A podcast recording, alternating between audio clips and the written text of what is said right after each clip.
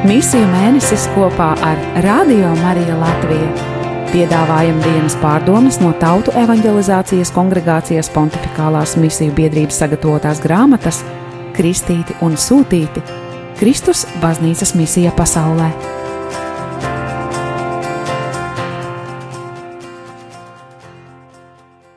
Trīspadsmitais oktobris - Svētdiena.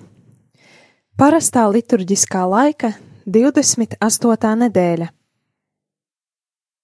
Pateicība ir sirds atmiņa.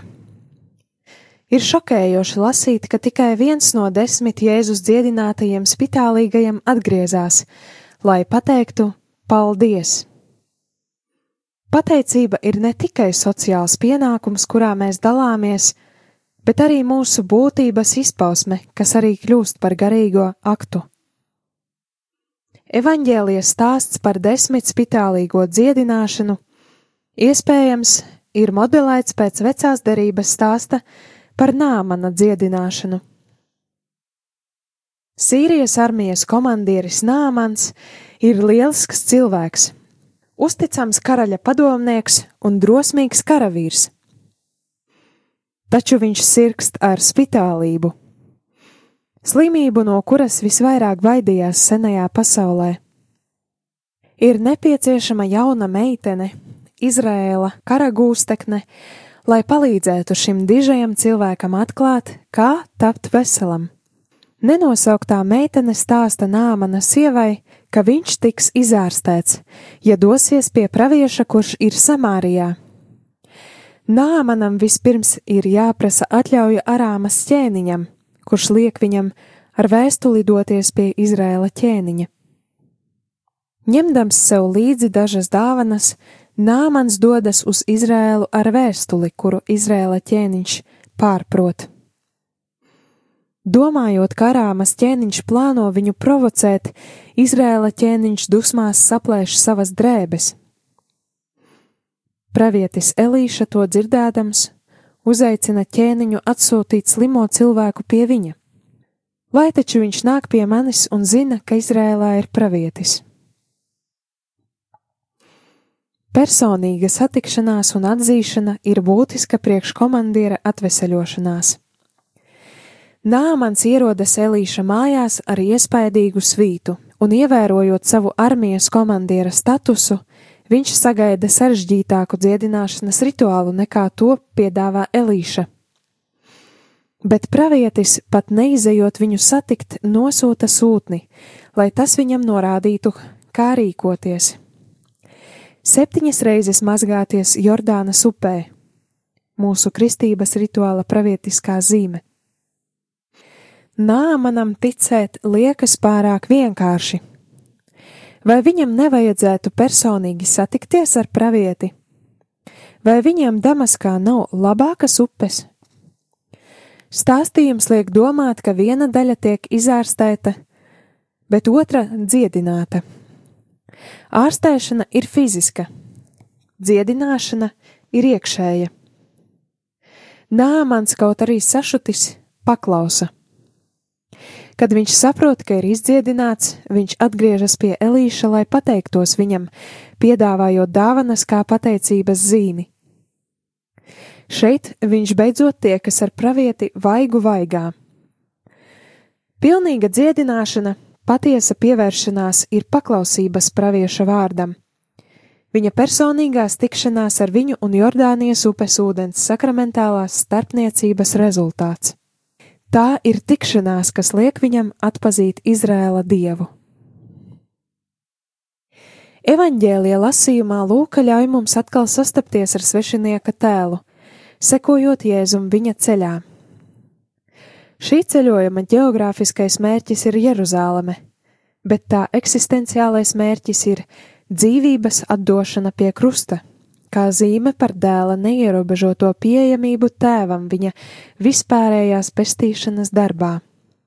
Jēzus dodas uz Jeruzālemi, svēto pilsētu, bet, lai tur nokļūtu, viņš iet cauri teritorijām, kuras jūdi uzskatīja par tādām, kas pārāk tuvu ārzemniekiem, tā saucamā pagānu Galileja, vai pat nešķīstām, jo tās apdzīvoja herētiķi, Samārijas iedzīvotāji. Tieši ejot par izskanto ceļu, Jēzus tiekas ar cilvēku grupu, kas bija viena no tā laika visvairāk atstumtajām - spitālīgajiem, tāds kā sīries nāmans. Spitālība bija ādas slimība, kuru uzskatīja par sodu grēciniekiem.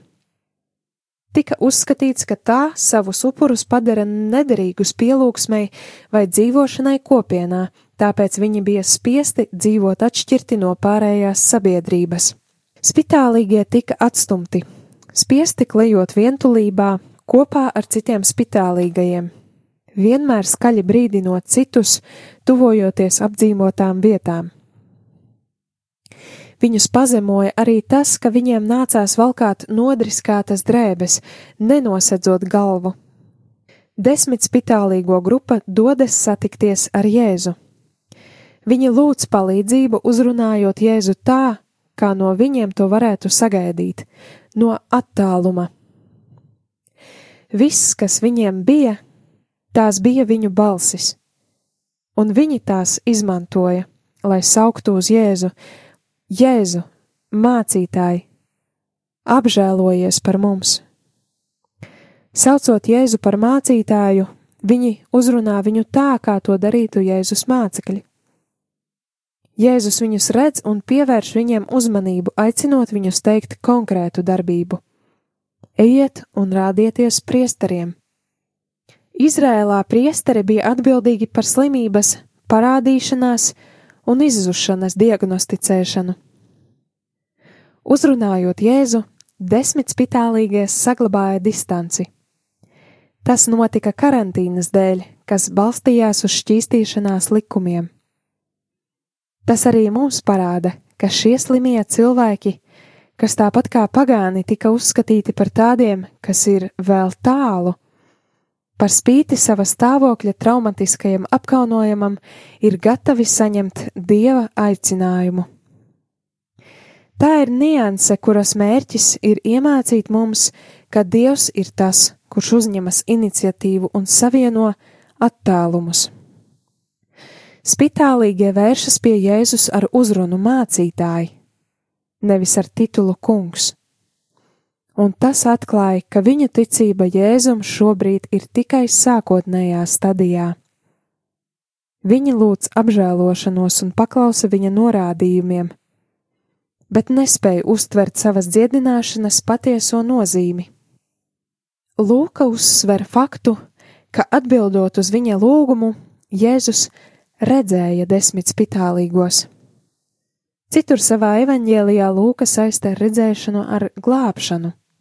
Šajā sākotnējā tikšanās reizē dziedināšana nenotiek nekavējoties, kā tas bija Nāmana gadījumā. Uzticīgs Torai Jēzus pavēl spitālīgajiem sevi rādīt priesteriem. Dziedināšana nozīmētu klausīties Jēzus vārdu un tāpat kā Nāmana gadījumā arī būt pateicīgiem tam, kas viņus izdziedināja.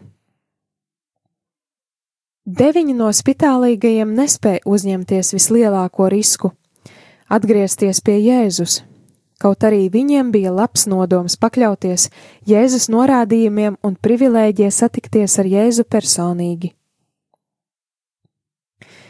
Tikai viens no viņiem to izdara - samārietis, kurš tāpēc ir ienaidnieks.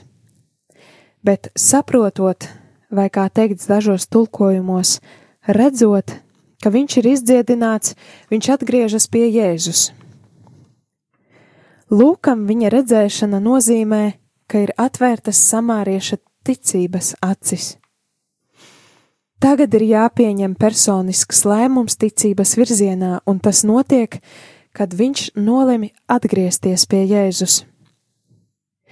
Dieva pagodināšana no satrauktā svešinieka puses kurš metas pie mācītāja kājām, lai viņam pateiktos, norāda, ka šajā otrajā personīgajā tikšanās reizē ar Jēzu samārietis ne tikai atmaksā pateicības parādu, bet arī piedzīvo pilnīgu dziedināšanu un iekšēju transformāciju.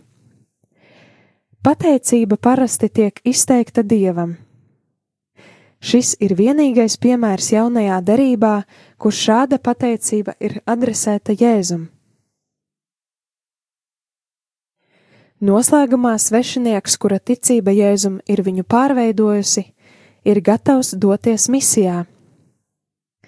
Celies un ej! Gan nāmana, gan desmit spitālīgo dziedināšana ir stāsti, kas balstīti uz iekšējo atgriešanos, kas notiek caur personīgu satikšanos ar Dievu. Šī tikšanās notiek sākot no personīgas krīzes, kuru var izraisīt nopietna slimība, un tā ir dievišķa iniciatīva. Cilvēka ziņā ir spērt nākošo soli, lai novērtētu un pieņemtu šīs tikšanās nozīmi, kas vedīs pie atgriešanās. Dziedināšana ir iespējama tikai tiem, kuri spēj sasaistīt fizisko izārstēšanu ar pateicību, kad krustojas ķermeņa izārstēšana un sirds atgriešanās. Jordānas upes ūdens un atsauce uz priesteriem uzsver sakramentālās darbības nozīmi pestīšanas darbā. Šī nav vienkārši izārstēšana, pēc dabas individuāla un abstrakta.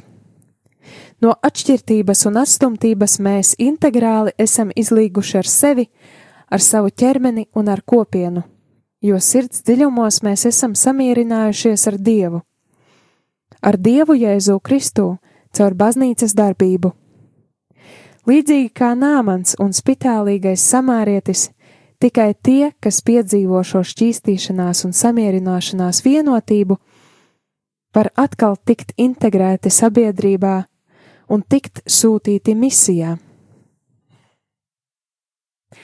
Baznīcas misija nes un dara zināmu glābjošo dieva žēlastību, jo tā atjauno vīriešus un sievietes no grēka iznīcības, no nāves atšķirtības.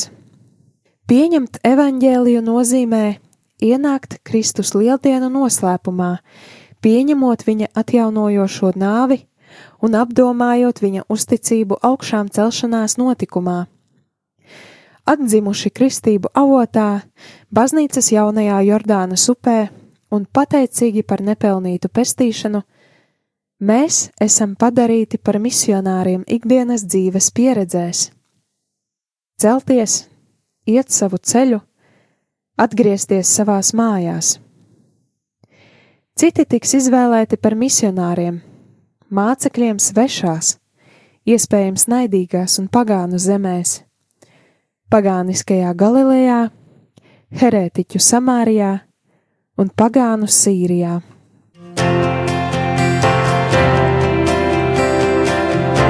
Dzirdējāt dienas pārdomas no Tautu evanģelizācijas kongregācijas pontificālās misiju biedrības sagatavotās grāmatas Kristīti un Sūtīti - Kristus baznīcas misija pasaulē.